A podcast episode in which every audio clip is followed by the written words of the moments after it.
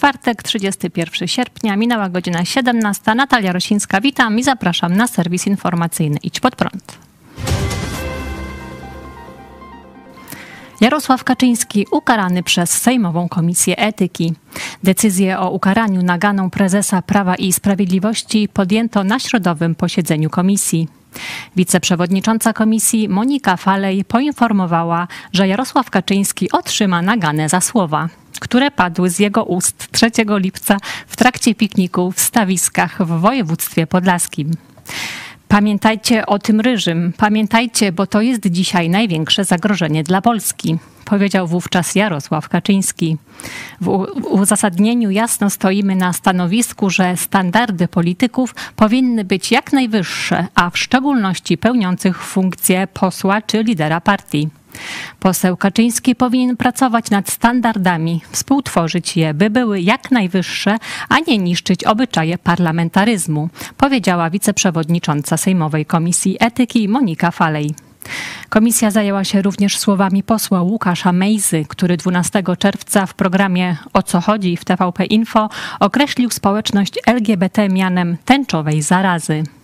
Za te słowa Mejza również został ukarany naganą. Jak informuje Monika Falej, obaj posłowie nie stawili się na posiedzeniu komisji, nie usprawiedliwili nieobecności ani nie złożyli wyjaśnień.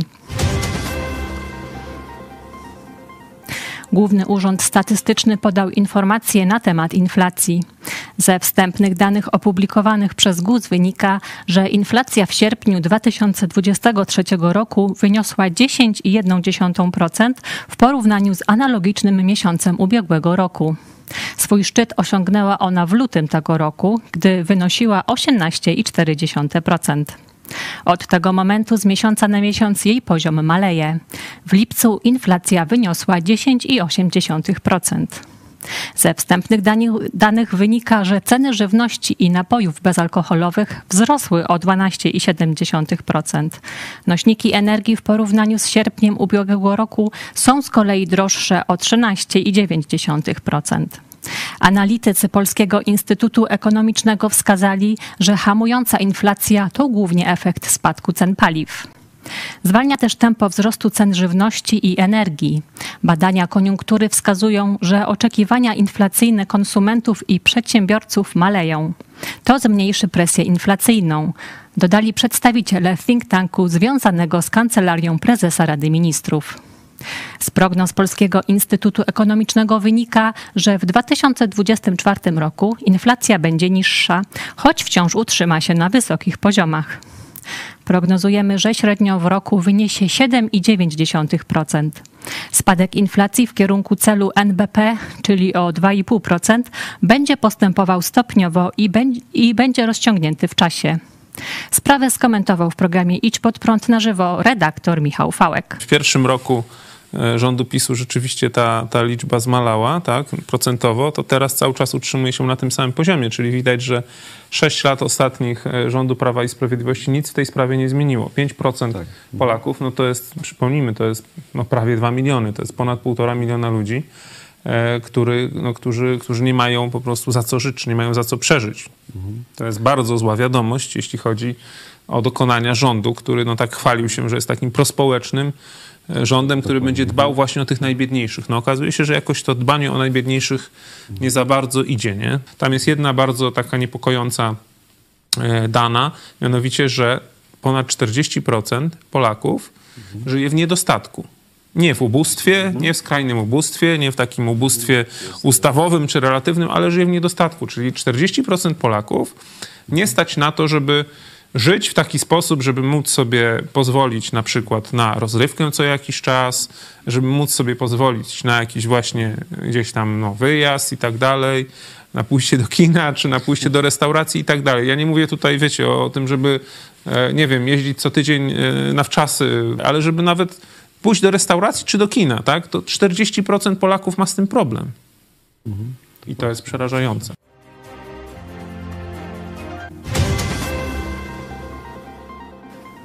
Właściciel Facebooka wziął się za propagandowe konta. Grupa Meta poinformowała, że powstrzymała największą dotąd operację propagandową chińskich służb. Z opublikowanego raportu wynika, że na Facebooku skasowano prawie 8 tysięcy kont i przeszło 900 stron wykorzystywanych do szerzenia chińskiej propagandy. Profile te od 2019 roku chwaliły chińską politykę i krytykowały działania państw zachodnich. Jak zaznaczył szef zespołu meta badającego zagrożenia Ben Nimmo, chińska operacja okazała się zaskakująco mało skuteczna, bo stworzone konta i strony były obserwowane głównie przez inne fałszywe profile. Dodał, że wielu rzeczywistych użytkowników łatwo zorientowała się, że ma do czynienia z fejkami. Nie ma nic, co by sugerowało, że gdziekolwiek w internecie ta operacja pozyskała jakiś rodzaj publiki, powiedział Nimmo. Według Mety to największa dezinformacyjna kampania, jaką zaobserwowano na portalach należących do grupy. Mimo, że na reklamy wydano raptem 3,5 tysiąca dolarów, a dla porównania jedna z rosyjskich kampanii wyniosła pod tym względem 100 tysięcy dolarów, to strony miały przyciągnąć łącznie pół miliona obserwujących. Obok powstrzymania chińskiej sieci propagandowej, Meta podjęła też dodatkowe działania przeciwko trwającej od ponad roku rosyjskiej operacji Doppelganger, polegającej na podszywaniu się pod strony uznanych mediów i propagowanie antyukraińskich treści. Grupa informuje również, że jest to największa i najbardziej uporczywa rosyjska kampania dezinformacyjna w ostatnim czasie.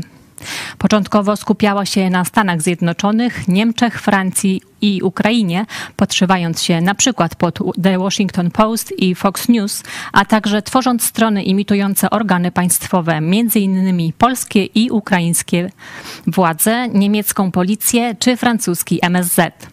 Szefostwo Meta informuje również, że wszystkie swoje serwisy z tego typu operacji będzie czyścić regularnie.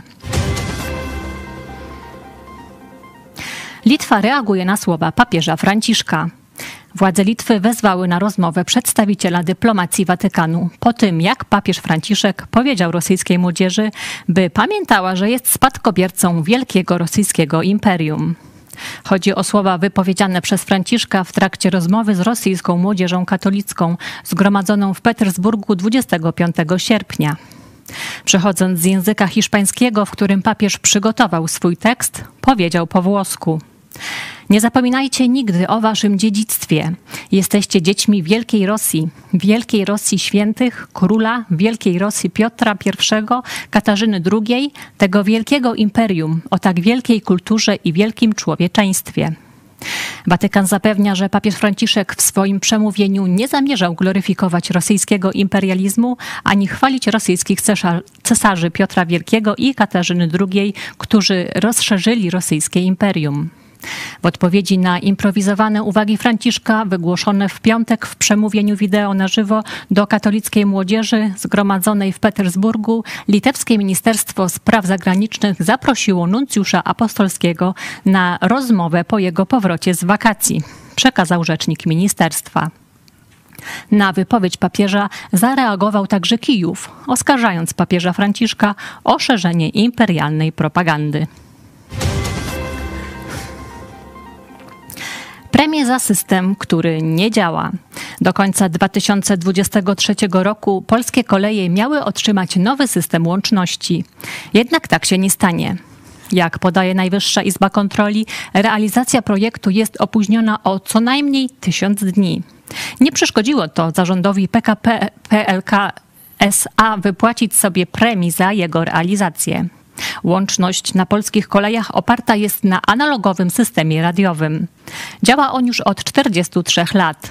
Wprowadzono go po największej katastrofie kolejowej w historii Polski pod Otłoczynem, w której wskutek zdarzenia czołowego pociągów zginęło 67 osób.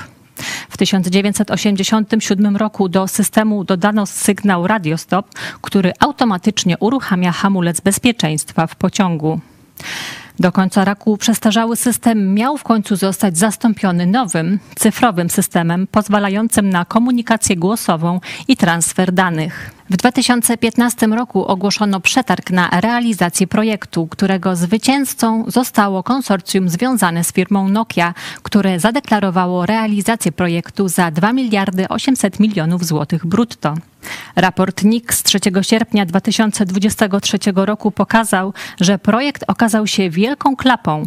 Informuje on, że zarząd PKP PLK SA między innymi źle określił wymagania, nie miał praw do niektórych gruntów, na których miała stać infrastruktura, nie wziął pod uwagę innych inwestycji na liniach, które kolidowały z pracami i stwierdzono, że nierzetelnie określono liczbę i lokalizację terminali dyżurnych ruchu.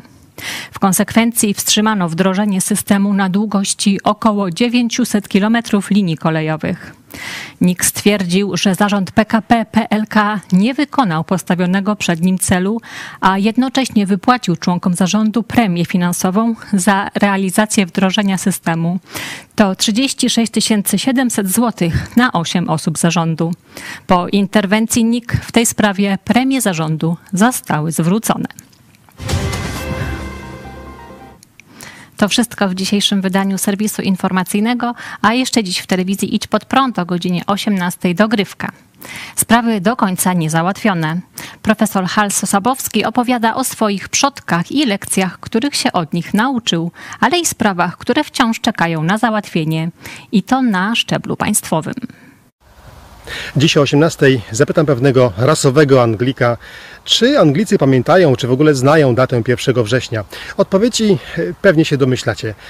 Natomiast nie domyślacie się, co według tego Anglika nie zostało jeszcze załatwione do końca. Do zobaczenia dzisiaj o 18. I to był ostatni serwis informacyjny w takiej formie. Od jutra zapraszamy Państwa na program w nowej formule i dziękujemy, że jesteście z nami. Do zobaczenia.